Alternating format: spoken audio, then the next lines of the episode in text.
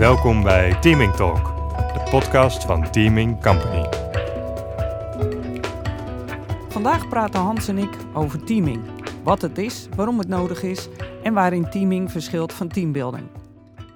Maar laten we beginnen met wat we altijd doen. Hans, wat heb jij nodig om volledig hier te zijn? Dankjewel Marieke.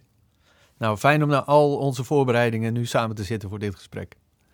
Ehm, wat heb ik nodig? Nou, ik zie eh, koffie naast me, water, ehm, het zonnetje schijnt buiten. Ik ben er klaar voor. Hartstikke fijn. En wat heb jij nodig? Eh, eh, voor mij geldt hetzelfde, hoewel ik natuurlijk mijn koffie alweer op heb. Ehm, en hoe ziet goed er voor jou uit? Ja, mooie vraag. Als we samen ons antwoord hebben gegeven op de vraag wat teaming nou echt is en waarom het relevant is om daar expliciet aandacht aan te besteden. Daar kan ik me helemaal in vinden. En weet je, ik ga er ook nog één aan toevoegen. Dat we met elkaar ook lol hebben gehad. Ja, dat, zou ik een fijn. fijne vinden. Ja, Laat ik dan eens beginnen met de definitie van teaming. Teaming is de vaardigheid om ons snel zo vertrouwd te voelen dat we elkaar uitdagen en bevragen richting het beste resultaat. Nou, laten we dan maar gelijk even een onderscheid maken. Wat maakt dit nou anders dan teambuilding? Ja, teambuilding. Nou weet je, dan pak ik de definitie van teambuilding er even bij. Oké, Teambuilding is een verzamelnaam voor een reeks groepsactiviteiten waarbij samenwerking centraal staat. en wacht even. Even nog een keer, eh, Hans. Teambuilding? Is een verzamelnaam Mhm. voor een reeks activiteiten die je als groep doet Ja? waarbij samenwerken centraal staat. Ja, ik heb hem. Laten we eerst eens kijken naar de grote overeenkomst tussen teaming en teambuilding. Want ze zijn allebei gericht op het beter samenwerken, om het, op het plezieriger samenwerken, eh, zodat er uiteindelijk een goed resultaat geboekt wordt. Mhm. Maar er zijn ook twee grote verschillen tussen teaming en teambuilding. Ehm, en dat is dat bij teambuilding er wordt uitgegaan dat er een redelijk vast team een langere tijd samenwerkt of Mhm. gaat samenwerken. En daardoor is er dus tijd, zeg maar, om naast het echte werk met elkaar eh, aan teambuilding te gaan doen. Iets te gaan doen. Eh, bij teaming is daar gewoon geen tijd voor. Teaming gaat om snel context te creëren waarin die goede samen, samenwerking meteen plaatsvindt. Dus erin en niet ernaast. Oké, dus ik hoor je zeggen dat er een grote overeenkomst is. Beide zijn gericht op beter samenwerken, zodat er goede resultaten worden geboekt. Maar ook twee verschillen. De eerste is dat een team vaak wisselt van samenstelling, wat eigenlijk de, de noodzaak voor teambuilding groter zou maken. En het tweede verschil is dat teambuilding vaak buiten of naast het echte werk plaatsvindt, terwijl teaming echt parallel loopt in het samenwerken met elkaar. Hè? Waar jij net zei, je doet het erin. En wat maakt teaming dan juist nu relevant? Ja, weet je, de snelheid waarin teams resultaten moeten opleveren, vandaag aan de dag, vraagt dat individuen en teams in staat zijn om, om snelle, eh, kortdurende, productieve samenwerking aan te gaan. Telkens weer. En daarvoor moet je simultaan, simultaan werken aan en het resultaat en aan die context waarin ieder teamlid zich veilig voelt om, let op, om en kennis en ervaring te delen, om te innoveren en te experimenteren en om elkaar uit te dagen en te vertrouwen. Nou ja, dat Mhm. is wel een, een, een heel lijstje. Ehm, eh, ik, ik stel voor dat we die definitie van teaming gewoon eens wat nader gaan onderzoeken. om te kijken wat er dan nodig is om te kunnen teamen. En dan eh, eh, wil ik gewoon weer even teruggaan naar die definitie. Teaming is een vaardigheid om ons snel zo vertrouwd te voelen dat we elkaar uitdagen en bevragen richting het beste resultaat. Nou, welk deel van deze definitie zullen we eens als eerste nader toelichten? Nou, degene die eh, nog eh, bij me is blijven hangen is het beste resultaat. Mhm, Dus laten we daar maar mee beginnen. Oké, Jij noemt het wel het bestaansrecht van een team. Ja. De reden waarom binnen een zakelijke context een team eigenlijk samenkomt. Dus ik wil daar op twee niveaus even bij stilstaan. oké. Eerst maar het niveau van opdracht of project. Veelal geeft de projectleider of de teamleider bij de start het beoogde doel en het resultaat van het team weer. En dan vraag ik me altijd af een paar dingen. En dan vraag ik me altijd een paar dingen af. Waar is de eigenlijke opdrachtgever? De interne of de externe klant in deze? Want die zou ik bij de initiële opdrachtdefinitie willen zien en horen. zodat de teamleden met hem in gesprek kunnen. En als de teamleden samenkomen, hebben ze dan al in de uitnodiging gehoord van de opdracht en het resultaat? En als dat het geval is, wie heeft de uitnodiging gedaan en wat is er daarin verteld? En wat hebben ze daarin gehoord? Hmm. Ik hoor dat jij een onderscheid maakt tussen wat is ze daarin verteld en wat hebben ze daarin gehoord. Kun je dat eens toelichten? Ja, je luistert goed.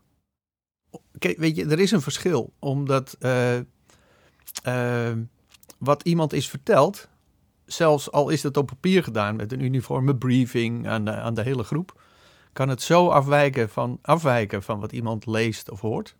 Mm -hmm. En dat heeft natuurlijk alles te maken met je eigen persoonlijke filter. En daarom is het zo belangrijk om als teamleider bij de eerste bijeenkomst te vragen wat die teamleiders nou, uh, wat die teamleden als, als het beste resultaat zien.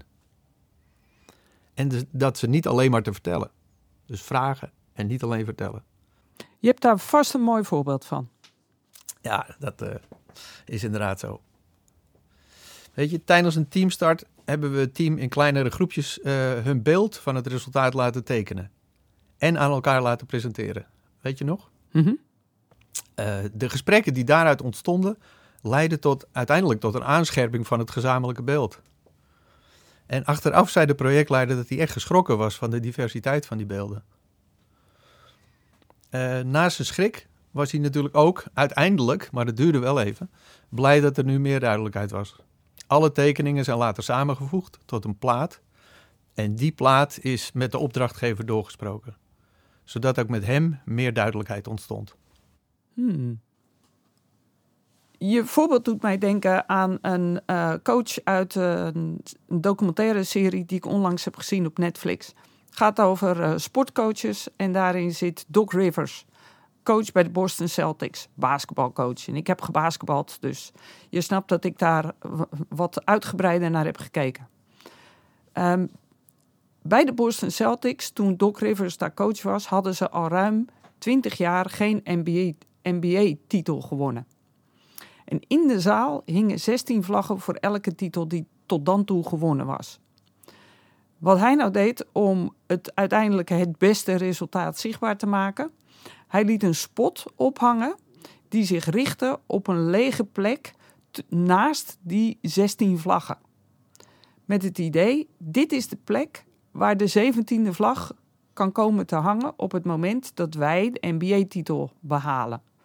En dat was zijn manier om zichzelf en zijn team er elke dag aan te herinneren dat het vullen van die lege plek, dat dat het uiteindelijke doel was.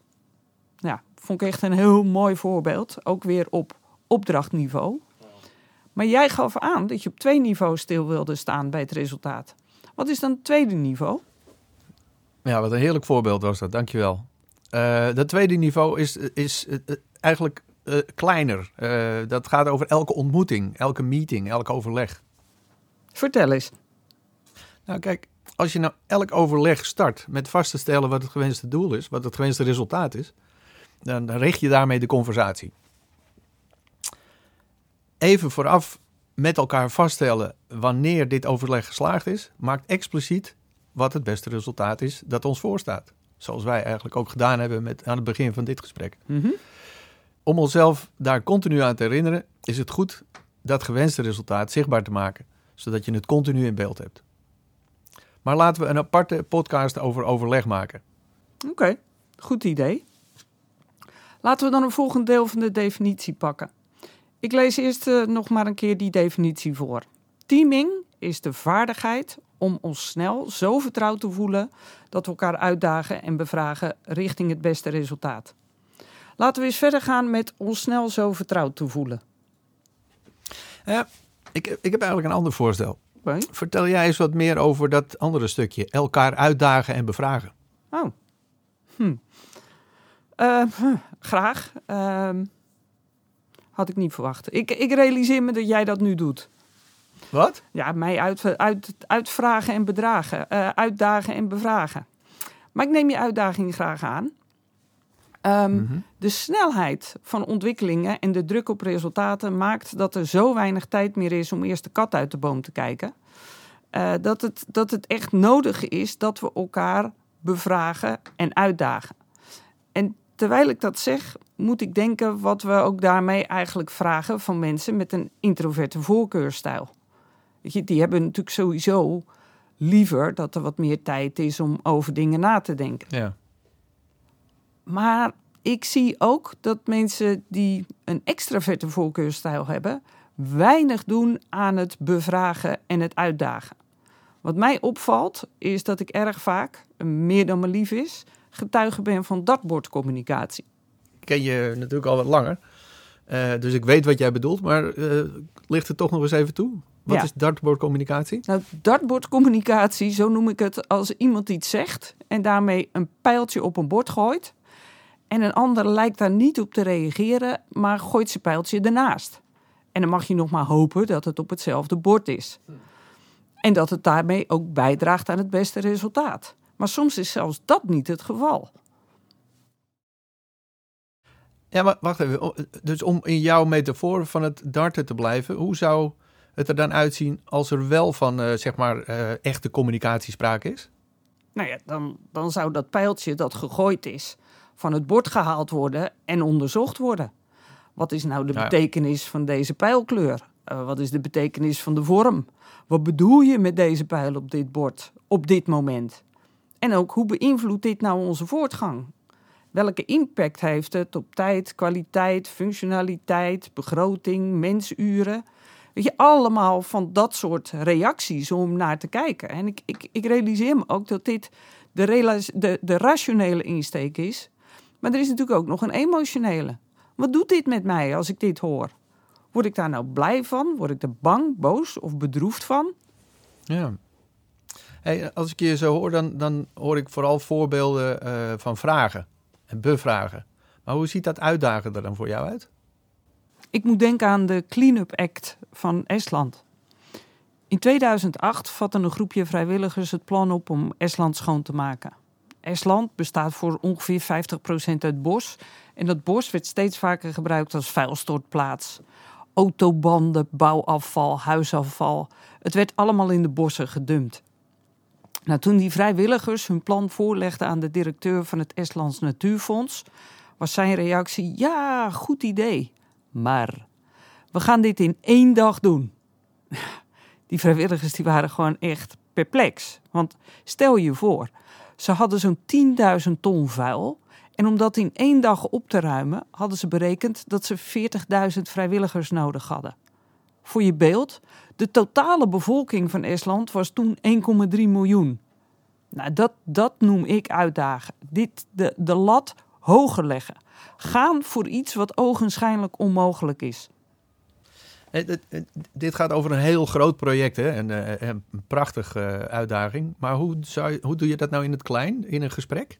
Dat uitdagen? Ja, dan, dan gaat het voor mij heel vaak om het uitdagen van de aanname. Van de veronderstelling die we met elkaar te gemakkelijk voor waar aannemen en niet meer bevragen. Ehm, het gaat erom dat, ook, ook al poneert iemand iets met stelligheid en overtuiging, dat we toch ook elkaar de ruimte laten in het niet weten en dingen bevragen bij elkaar. Want in dat niet weten, in, eh, ik hoor heel vaak in onzekerheid, maar ik noem het niet-zekerheid, daar ligt de kans om samen nieuwe inzichten te verkrijgen. Maar als ik, als mijn eigen niet weten omslaat in onzekerheid, dus het, het wordt emotioneel wiebelig, dan wordt het ook lastig om de stelligheid van een ander te bevragen. Vind jij eigenlijk dat wij elkaar uitdagen en bevragen? Ja, ja zeker. Eh, regelmatig. Eh, en heel eerlijk, eh, soms vind ik dat ook wel lastig. Oh.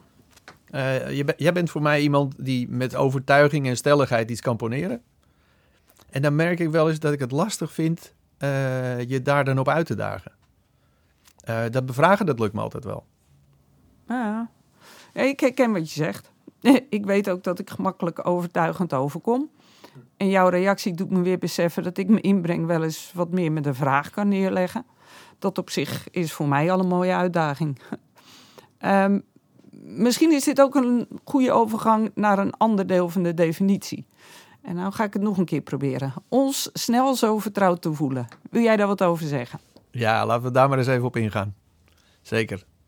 Eh, In samenwerkingen is er steeds minder tijd, zeiden we al, om de kat uit de boom te kijken.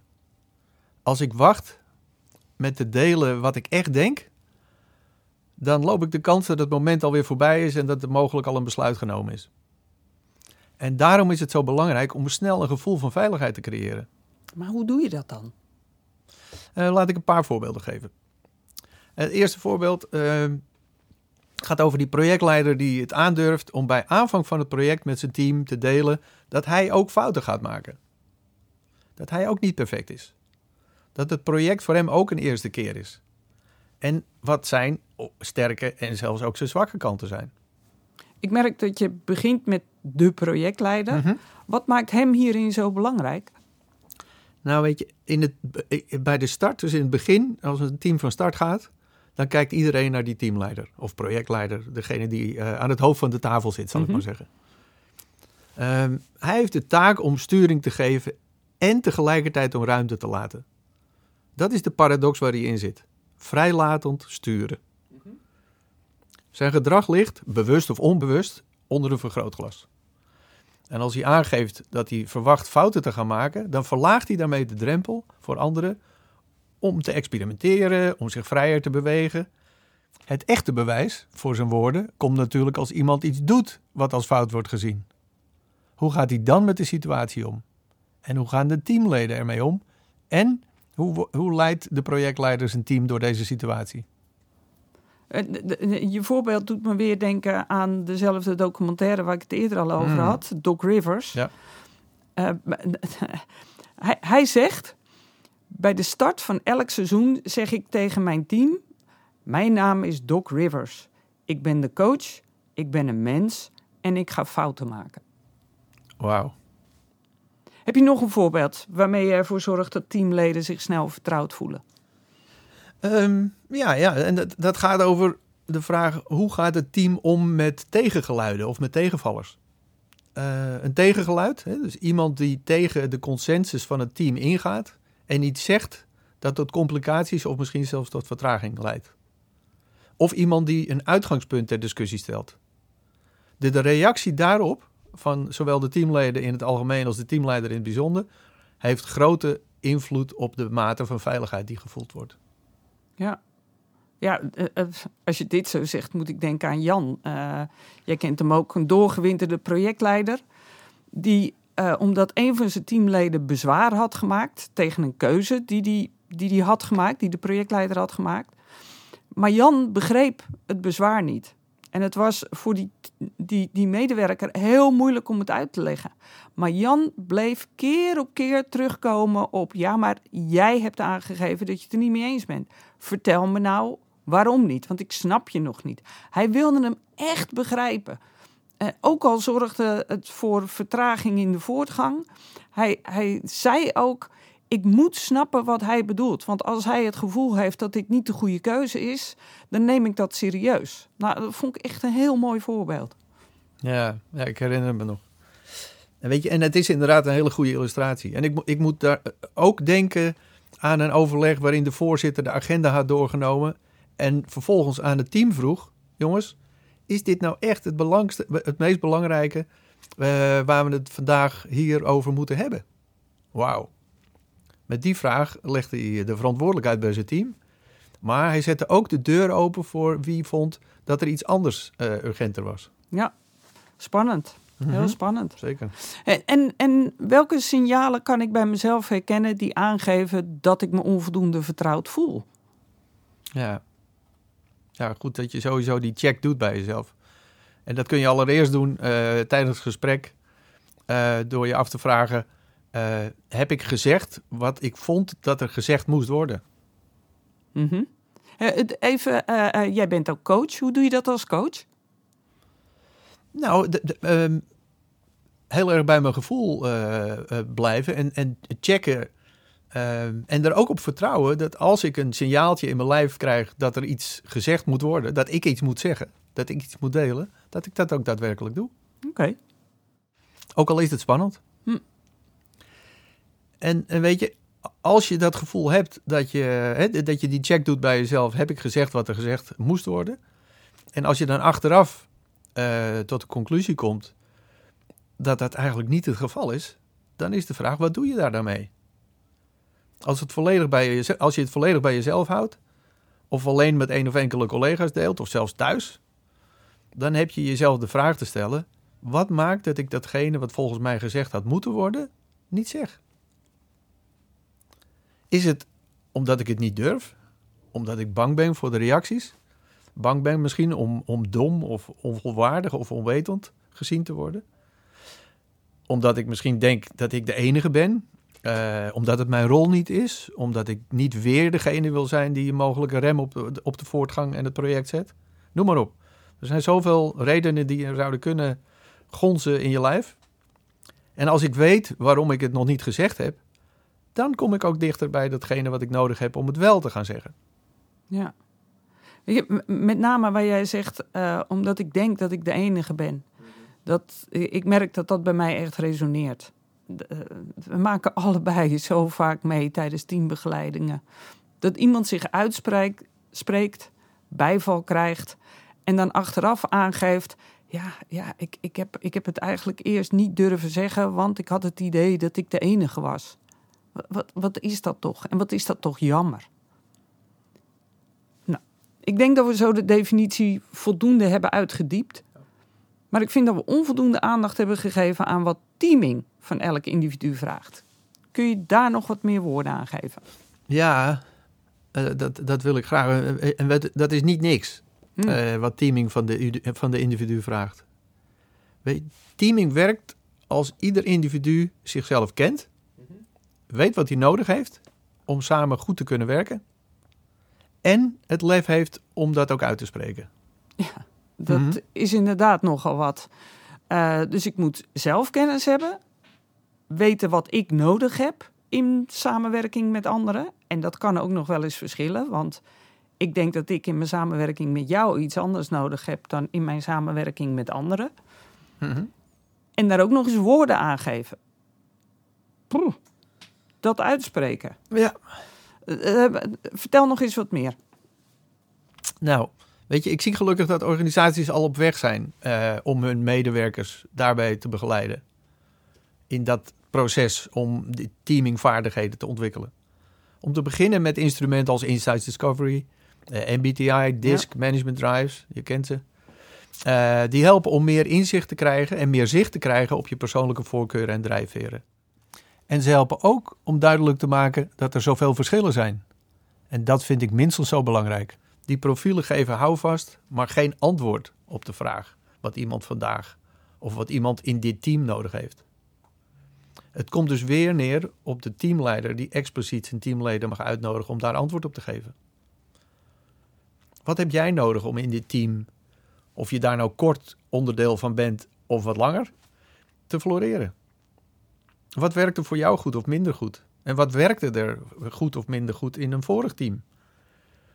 Wat vind jij prettig en hoe vinden we met elkaar een goede oplossing om met die verschillen om te gaan? Ik, ik merk dat ik blij ben dat je als laatste toevoegt. Uh, hoe vinden we met elkaar om met die verschillen om te gaan? Want in een divers team zul je inderdaad niet in staat zijn om in ieder zijn behoefte te voorzien. Klopt, daar heb jij helemaal gelijk in. En dat hoeft ook niet erg te zijn, als we maar wel oog hebben voor elkaars behoeften. Heb je daar nog een voorbeeld van? Um, ja, en eh, weet je, eh, misschien verrassend, maar wel heel dichtbij. Jij en ik, mm. wij verschillen van voorkeuren. Yep. En dat weten we van elkaar en van onszelf. Ik vind het bijvoorbeeld belangrijk om eerst een gedegen check-in te doen, waarbij iedereen uh, kan aangeven wat er speelt en wat hij nodig heeft. En jij vindt dat ook wel belangrijk? Maar het moet niet te lang duren. Nee, dat klopt. Ik wil eerder door naar de inhoud. Ja, nou weet je, en dat is goed. En volgens mij houden we daar allebei ook wel rekening mee. Mhm. Ehm, ik deel wel eens wat minder uh, dan ik zou willen delen. En jij, jou, van jouw kant, geeft me juist wel eens meer ruimte om, uh, om iets meer te delen. Mhm. En soms botsen we daar ook wel eens in. Uh, en dat vind ik op dat moment niet fijn. Maar we komen er altijd weer uit. Beter uit zelfs. Ja, gelukkig wel. Dankjewel Hans. Laat ik eens kijken of ik ons gesprek kan samenvatten. Teaming is de vaardigheid om ons snel zo vertrouwd te voelen dat we elkaar uitdagen en bevragen richting het beste resultaat. De overeenkomst met teambuilding is dat beide gericht zijn op beter samenwerken. En de twee grote verschillen zijn de wisseling in teamsamenstellingen en dat teaming echt plaatsvindt tijdens en in het werk waar de resultaten geleverd moeten worden. Het beste resultaat hebben we besproken op projectniveau en op het niveau van elke interactie, van elk gesprek of elk overleg. Elkaar bevragen is verkennen wat de ander zegt. Het, het dartpijltje onderzoeken. Elkaar uitdagen kan zowel gaan over de lat hoger leggen, bijvoorbeeld die schoonmaakactie in Estland, als aannames ter discussie stellen. In het vertrouwd voelen voor elk teamlid begint dat dan bij zelfkennis. Weten wat ik nodig heb in de samenwerking en daar ook woorden aan geven. En voor het team begint vertrouwd voelen bij openheid en kwetsbaarheid van de leider. Bij het serieus nemen van twijfels of bezwaren en die niet wegwuiven, maar echt bij elkaar, echt elkaar willen begrijpen. Over vertrouwd voelen en vertrouwen wordt rond teaming ook gesproken over psychologische veiligheid. Laten we daar in een volgend gesprek eens nader op ingaan. Heb ik hem zo goed samengevat wat jou betreft? Ja, ja zeker. Oké. Weet je, en, en toch wil ik er nog wel iets uh, aan toevoegen of benadrukken. En dat is, dat is, weet je, uiteindelijk werken we, uh, willen we met elkaar zodanig teamen en samenwerken dat het ook fijn is en dat, dat we er energie van krijgen in plaats van dat het energie kost. En dat is wat, wat jij en ik ook ervaren. Dat op het moment dat wij samen en met andere teams uh, echt goed aan het teamen zijn, uh, denk aan de definitie, dan voelt die energie. Dan voelt het goed. Ja.